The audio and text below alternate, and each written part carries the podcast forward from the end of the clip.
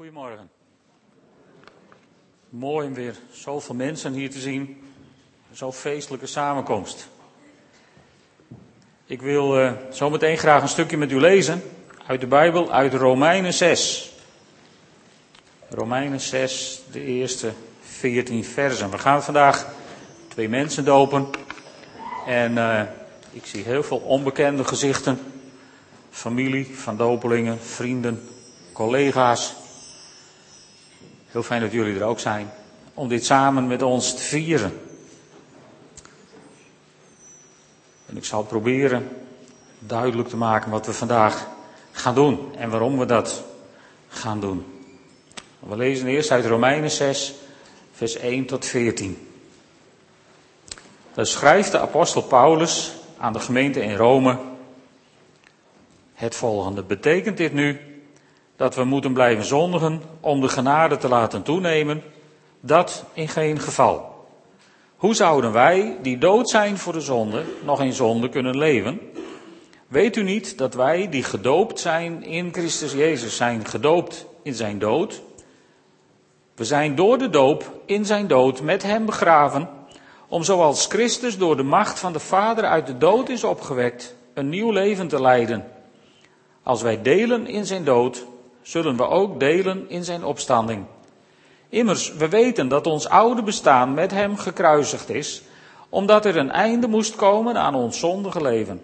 We mochten niet langer slaven van de zonde zijn. Wie gestorven is, is rechtens vrij van de zonde. Wanneer wij met Christus zijn gestorven, geloven we ook dat we met hem zullen leven. Omdat we weten dat hij, die uit de dood is opgewekt, niet meer sterft. De dood heeft geen macht meer over hem. Hij is gestorven om een einde te maken aan de zonde voor eens en altijd. En nu hij leeft, leeft hij voor God. Zo moet u ook uzelf zien. Dood voor de zonde, maar in Christus Jezus levend voor God. Laat de zonde dus niet heersen in uw sterfelijk bestaan. Geef niet toe aan uw begeerten. Stel uzelf niet langer in dienst van de zonde als een werktuig voor het onrecht, maar stel uzelf in dienst van God. Denk aan uzelf als levenden die uit de dood zijn opgewekt en stel uzelf in dienst van God als een werktuig voor de gerechtigheid. De zonde mag niet langer over u heersen, want u staat niet onder de wet, maar leeft onder de genade. En aan één tekst uit 1 Petrus 2, vers 9. 1 Petrus 2, vers 9. Maar u bent een uitverkoren geslacht, een koninkrijk van priesters, een heilige natie, een volk dat God zich verworven heeft om de grote daden te verkondigen van Hem die u uit de duisternis heeft geroepen naar zijn wonderbaar licht. Een bijzondere samenkomst, zei ik al. We dopen vandaag twee mensen. Door hen onder te dompelen in water. Daarom hebben wij ook zo'n groot doopvond. En waarom doen we dat? Allereerst omdat ze daar zelf om hebben gevraagd. De geest van God heeft hen overtuigd dat dit de stap is die ze moeten zetten op hun verdere wandel met God. En waarom, ja, waarom doen we het dan zo ingewikkeld met onderdompelen? Nou, omdat wij geloven dat, uh, dat dit de manier is om zo dicht mogelijk te komen bij wat we hebben gelezen in Romeinen 6.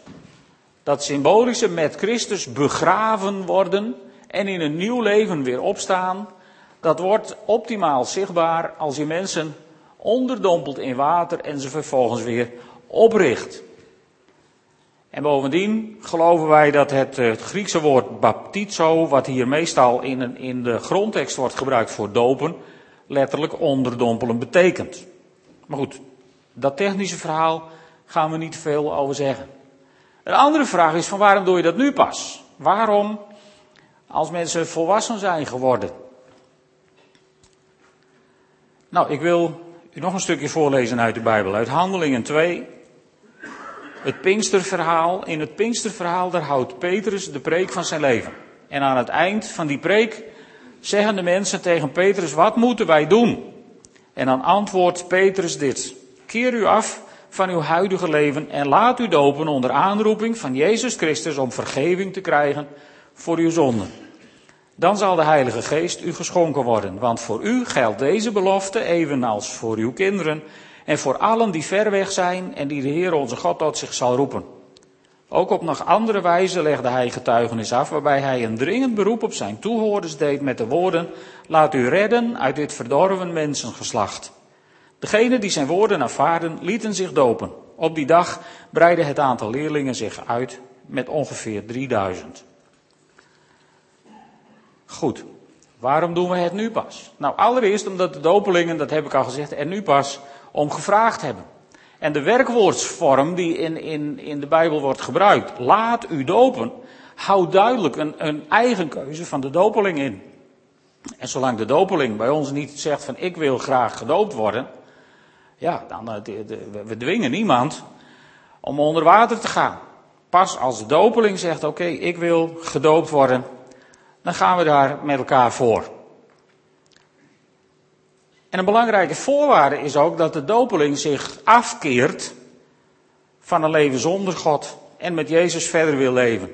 Alleen dat gebeurt in onze ogen niet door de doop, maar dat gebeurt voor de doop. Die keuze, die willen we gemaakt zien zijn in het leven van de dopelingen. Daarom houden we ook een doopgesprek met de dopelingen om eens te vragen waarom wil je eigenlijk gedoopt worden? Wat is de aanleiding? Hoe ben je ertoe gekomen? Vertel er eens wat over. En daarom zullen ze straks ook, voordat ze gedoopt worden, daar zelf iets over zeggen. Dat hoeft niet zo lang, want ze zijn hartstikke zenuwachtig. Maar dat komt helemaal goed. U zult het ook van henzelf horen waarom ze gedoopt willen worden. En bovendien vergelijkt Paulus het, het leven met Christus als een sterven aan jezelf, waarna je met hem begraven wordt en in een nieuw leven weer zult opstaan. Nou, in het natuurlijke leven overlijd je over het algemeen voordat je wordt begraven. En niet doordat je wordt begraven. Dus diezelfde volgorde, die houden wij ook aan in de doop. Soms zit er echter een heel groot gat in een mensenleven tussen dat sterven aan jezelf, tussen het Jezus Christus aannemen als je Heer en Verlosser en, en het begraven. Soms is dat gaat heel erg lang. Daar kunnen wij ook niks aan doen. Maar we gaan ervan uit dat God daar wel mee redt. God heeft Fiona duidelijk gemaakt welke stap ze moest zetten. En God heeft Linda duidelijk gemaakt welke stap ze moest zetten. En dat het zover was. En dat is altijd zo. Daarom maken wij ons daar nooit zo druk over. God komt daar wel mee klaar. Als mensen hun leven aan Jezus geven, als mensen tegen, tegen de Heer Jezus zeggen: Heer, ik wil u volgen in mijn leven. Ik wil niet meer mijn oude leven leiden, maar ik wil een nieuw leven leiden met u. Dan zorgt God ervoor dat mensen op een punt komen dat ze zeggen: En nu weet ik wat me te doen staat. Ik wil gedoopt worden. En daarin proberen we ook die Bijbelse volgorde aan te houden die in de Bijbelgedeeltes die ik u heb voorgelezen een heel aantal keren voorkomt in Handelingen 2, vers 38, daar noemt Paulus, of Petrus de volgorde van keer je af van je huidige leven, laat je dopen en ontvang de Heilige Geest. Dan zullen de Bijbelkenners ogenblikkelijk aankomen met het verhaal van Cornelius. Die kreeg eerst de Heilige Geest en toen werd hij gedoopt. Oké, het is aan God om van deze volgorde af te wijken, niet aan ons. Onze volgorde is deze, uit het woord van God. In Handelingen 2, vers 41, daar doet hij het nog een keer over, de apostel Petrus. En dan zegt hij, zij die zijn woord aanvaarden, die lieten zich dopen om een leerling van Jezus te worden. Dus als je een leerling van Jezus wilt worden, Jezus echt wilt volgen in je leven, dan begint het met zijn woord aanvaarden. Nou, zijn woord, dat hebt u al gezien, uitgepakt zien worden zo pas als een prachtig cadeautje. Als je dat woord aanvaardt, en je gaat daarin lezen en je gaat erover praten met God, dan uh, is onze ervaring dat God je wel duidelijk maakt welke weg je hebt te gaan. En daar blijven wij af. Dat laten we aan God. In Romeinen 6, vers 4 hebben we de volgorde ook gezien. In Romeinen 6, vers 4, daar heeft apostel Paulus het over sterven aan jezelf, met Christus begraven worden en met hem een nieuw leven beginnen. heb je weer diezelfde volgorde. En even verder, in Romeinen 6, dan gaat het in vers 6 over met Christus gekruisigd worden. Met Christus gekruisigd worden betekent je oude leven afleggen, sterven aan jezelf. In vers 7 gaat het dus over dat sterven en in vers 8 gaat het dan weer over met hem leven. Heb je weer diezelfde volgorde terug. En in Romeinen 6 vers 13, daar kom je het nog een keer tegen.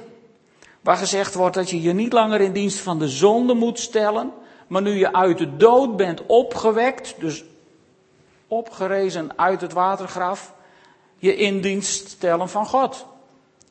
Dus de volgorde is volgens ons zo duidelijk dat dat de reden is waarom wij het op deze manier doen. Als mensen hun leven aan Jezus hebben gegeven, dan volgt de rest van het proces. En dan treden ze in dienst van God. Zegt Romeinen 6, vers 13 zo mooi. Je stelt je in dienst van God. Dat is ook onze roeping. Vandaar die Bijbeltekst uit 1 Petrus 2. U bent een uitverkoren geslacht, een koninkrijk van priesters, een heilige natie, een volk dat God zich verworven heeft. Daar wordt even duidelijk dat het enkel genade is dat een mens in zijn leven tot deze keuze komt. Het is niet een mens die zich God verwerft en vervolgens lekker priester van God wordt. Nee, het is een volk wat God zich verworven heeft. God trekt aan mensenharten. En misschien zijn er mensen die dat nog niet zo helder ervaren, maar neem van mij aan, God trekt aan mensenharten.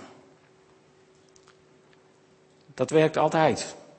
En God is zo bezig om zich dus een volk te verwerven, om de grote daden te verkondigen van, van, van God die ons uit de duisternis heeft geroepen naar zijn wonderbaar licht. En onder die roeping kun je geboren zijn. Linda is onder die roeping geboren en, en als baby gedoopt en als, als, als gelovig kindje opgevoed door haar ouders. Fiona is niet als baby gedoopt, als ik het goed begrepen heb. Maar door haar ouders wel geïnformeerd en ook opgevoed in, in, in geloofsdingen. Dus ouders spelen daar een hele belangrijke rol in. Soms ben je onder die roeping geboren. En soms ook niet. Soms komen ook mensen die niks van geloof weten, spontaan tot bekering. En willen gedoopt worden. Dus je hoeft niet onder die roeping geboren te zijn, maar in Nederland zijn heel veel mensen dat nog steeds wel.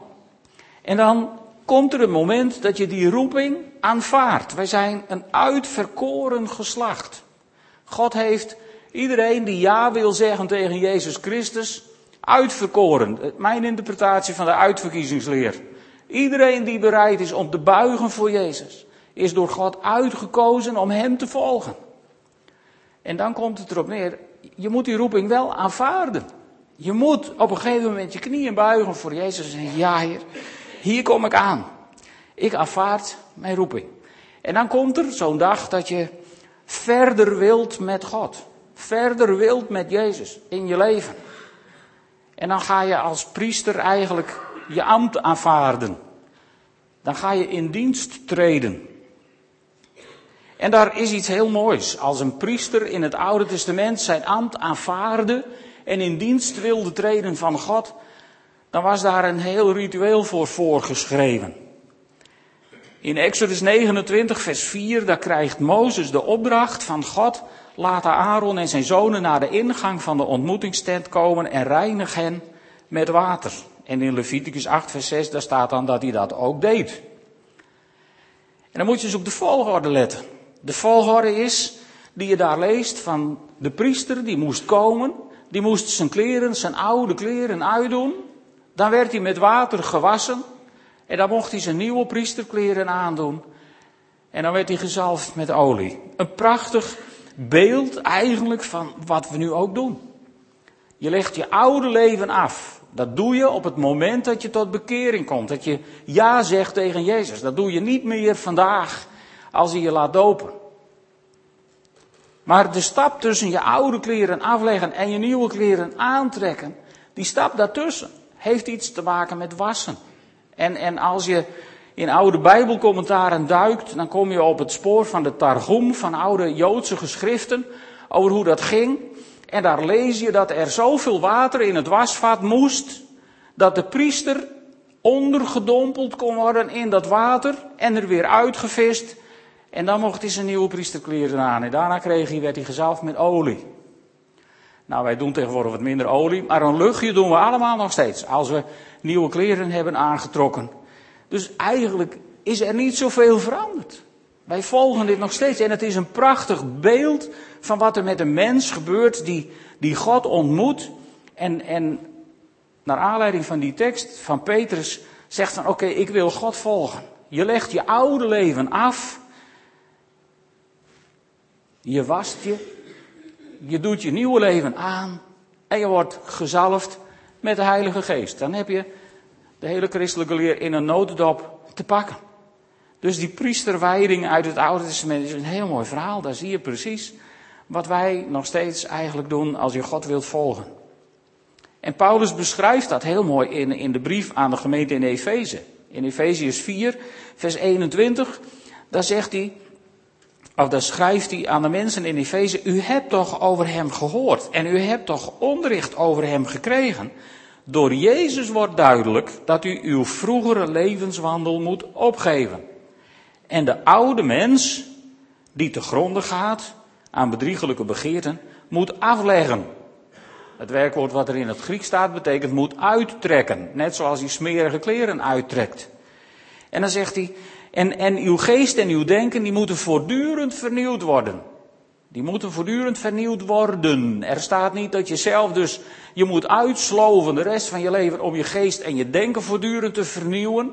Dat denken een hele hoop mensen met, met, met zelfreflecties en psychoanalyses en dat soort dingen, dat je daar zelf heel hard aan moet werken. Nee, zegt de Bijbel, geef je nou eens over aan God en laat God nou je denken eens vernieuwen. Laat Hem nou zijn gangers gaan. Dat is het stukje overgave wat er in een doop altijd aan te pas komt. Want ja, uiteindelijk moet je je overgeven aan twee, twee brave broeders die onder water stoppen in de hoop dat ze je er ook weer uithalen. Het heeft iets met een stukje overgave te maken. Je laten dopen. En, en die overgave moet er naar God ook zijn, zodat je geest en je denken voortdurend vernieuwd kunnen worden door de Heilige Geest die in een mens komt werken als je hem toestaat. God doet het voor je. Dat is niet je eigen inspanning, daar hoef je je niet voor uit te sloven. Daar hoef je alleen maar bereid toe te zijn. Want het is en het blijft genade. En dan is tussen het afleggen, en, en dan staat er in het volgende vers, en dat u de nieuwe mens moet geschapen is in waarachtige rechtvaardigheid en heiligheid. Dus je trekt je oude mens uit, je wordt vernieuwd door God en je komt tot het besef dat je je moet laten dopen. En als je dan schoon gewassen bent, kun je je nieuwe mens aantrekken. Een prachtig, ook uit de brieven van Paulus. En misschien zullen sommige mensen zich afvragen van ja, maar wanneer word je dan gered? Want sommige mensen zijn zo opgevoed in het idee van ja, je moet wel gedoopt worden, want anders. Nou, ik lees u één Bijbeltekst voor gered, maar wie niet gelooft, zal worden veroordeeld. Er staat niet wie niet gedoopt is. Dus je wordt niet gered in onze ogen. Wij geloven dat je gered wordt door je leven aan de Heer Jezus te geven. Als je ja zegt tegen Jezus Christus, gestorven is aan het kruis op Golgotha en met zijn bloed verzoening voor ons heeft bewerkt. Als je daar ja tegen zegt, op dat moment ben je gered. Dat, dat hoeft niet meer doordat je je laat dopen. Wij hebben het, u ziet daar die prachtige vuurtoren hangen en, en we hebben het over zichtbaar worden dit jaar. Nou, wat vandaag zichtbaar wordt, is dat Fiona en Linda ja hebben gezegd tegen Jezus en dat willen laten zien aan u allemaal. Daarom bent u ook uitgenodigd om hier vandaag te zijn, om dat zichtbaar te maken. Daar is de doop heel belangrijk voor. Maar niet om je nog een. Je behoud hangt niet af van wel of niet gedoopt zijn. Daarom hebben wij ook nooit zo'n vliegende haast. Gun mensen de tijd om er naartoe te groeien. Dat is gewoon heel belangrijk. Misschien komt u uit een traditie dat is een ander verhaal. Dat over, over, over het feit dat je toetreedt tot het verbond van God. Doordat je gedoopt wordt. Die leer is er ook. En wij, ja, wij geloven daar niet in. Volgens ons treed je door de doop niet toe tot welk verbond dan ook. En je wordt hier althans, door je te laten dopen, ook geen lid van welke kerk dan ook. Je wordt gewoon gedoopt. En of je hier wel of niet lid wilt worden, dat laten we aan u zelf over. Want dat mag ook als je nog niet gedoopt bent. Dat hebben we losgemaakt van elkaar. Al die kerkrechtelijke koppelingen, waar geen bijbelse onderbouwing voor is volgens ons, die hebben we losgelaten. En dat verbond met Abraham zijn vriend, waar heel vaak toch bij het dopen van kinderen naar wordt verwezen, is volgens ons het verbond van God met zijn volk Israël. Wat staat tot de dag van vandaag. Het volk Israël, daarin dat kleine stukje aarde, op het strijdtoneel tussen Oost en West en Noord en Zuid, precies op het beroerdste kruispunt wat je kunt bedenken, want daar is wat afgevochten de afgelopen duizenden jaren. Dat volk op dat plekje, dat volk van God, dat is het volk wat deel heeft aan het verbond met Abraham, zijn vriend. Vallen wij dan buiten het verbond? Nou wel buiten dat verbond. Want toen God zelf naar deze wereld kwam, als Jezus Christus, als onze Heer en Heiland, onze Verlosser en Zaligmaker, toen heeft hij op de aarde sterven, samen met zijn discipelen voor het eerst, het avondmaal ingesteld. En toen heeft hij de beker genomen en heeft hij gezegd, deze beker is het bloed van het nieuwe verbond. En dat is ons verbond. Het verbond wat wij hebben met God is het verbond gebaseerd op het bloed van Jezus Christus, die stierf voor onze zonden, opdat wij in alle vrijmoedigheid tot God kunnen naderen en zijn kinderen kunnen zijn. En als u dat nog nooit beleefd hebt, als u zegt, ik weet niet waar je het over hebt, maar ik zou het wel willen, dan regelen we dat vandaag, als u dat wilt. Laat die kans niet voorbij gaan. God staat altijd met uitgestoken armen te wachten. En aan dat verbond van Jezus Christus heb je deel vanaf het moment van je bekering. Je persoonlijke keuze voor Jezus als jouw persoonlijke verlosser en zaligmaker.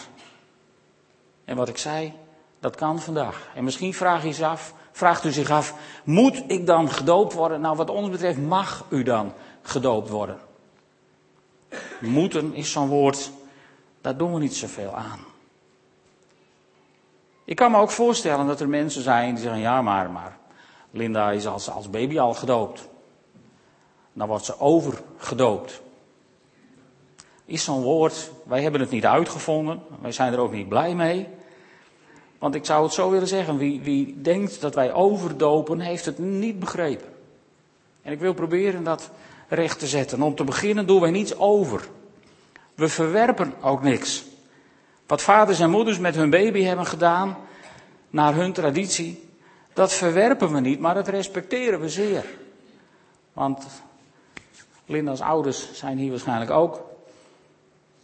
Jullie hebben haar bij de Heer gebracht toen ze is geboren. En toen hebben jullie beloftes gedaan in de kerk over het opvoeden in het geloof. En die belofte hebben jullie nagekomen, anders had ze hier niet gezeten. En uh, daar zijn we gewoon samen met Linda ongelooflijk dankbaar voor. Dat respecteren we ook en daar doen we niets aan af. We gaan alleen juist verder op dat fundament. We hebben hier als gemeente ook de instelling, zolang iemand ervan overtuigd is dat zijn kinderdoop voldoende is, afdoende is, dat je niet verdere stappen hoeft te zetten, dan respecteren we dat ook. Dan maken we daar geen groot probleem van. Dan mag je gewoon lid zijn, avondmaal met ons vieren. We zullen mensen alleen telkens aanmoedigen om de Bijbel erop na te slaan en er in gebed met God over te gaan praten. En mijn ervaring is dat je daar nooit moeilijke gesprekken over krijgt met mensen. God redt mij. God is veel meer bij machten dan ik. Ik kan hier een verhaal tegen jullie houden en daarvan kun je denken, nou ja, leuk verhaal, of misschien ook wel niet. Maar als je er met God over in gesprek gaat, God is erg overtuigend, is onze ervaring. Als hij één keer in mensenharten een beetje toegang heeft gekregen, dan is God erg overtuigend. Probeer het maar uit, zou ik zeggen.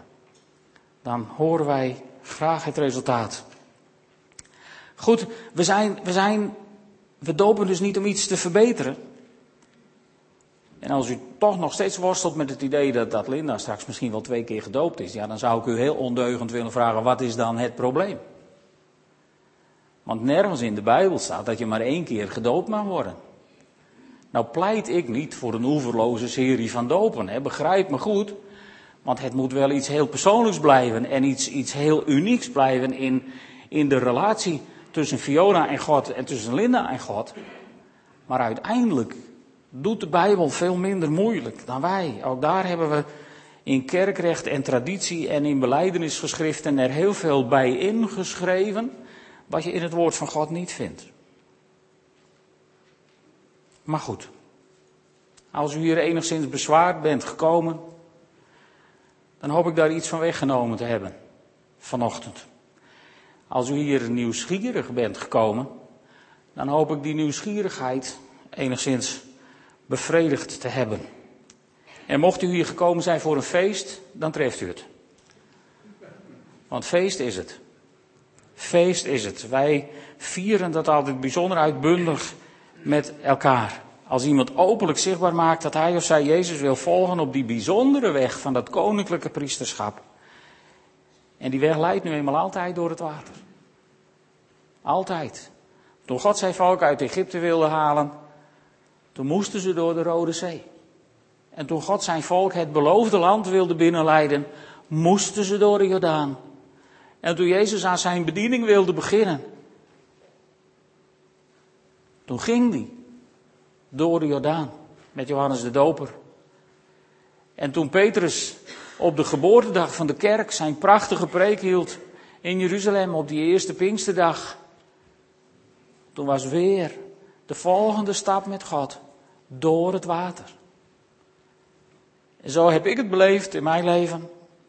Vandaag dopen we twee mensen die dat weer zo hebben beleefd. Jezus wil met je verder. En als jij verder wilt met Jezus, gaat dat altijd door het water.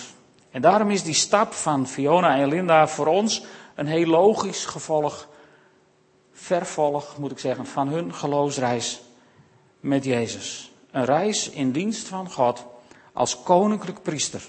Een reis als nieuwe schepping in een nieuw leven waarin het licht van God meer en meer zichtbaar zal worden. Zullen we samen een moment van gebed hebben? Mag ik u uitnodigen om op te staan?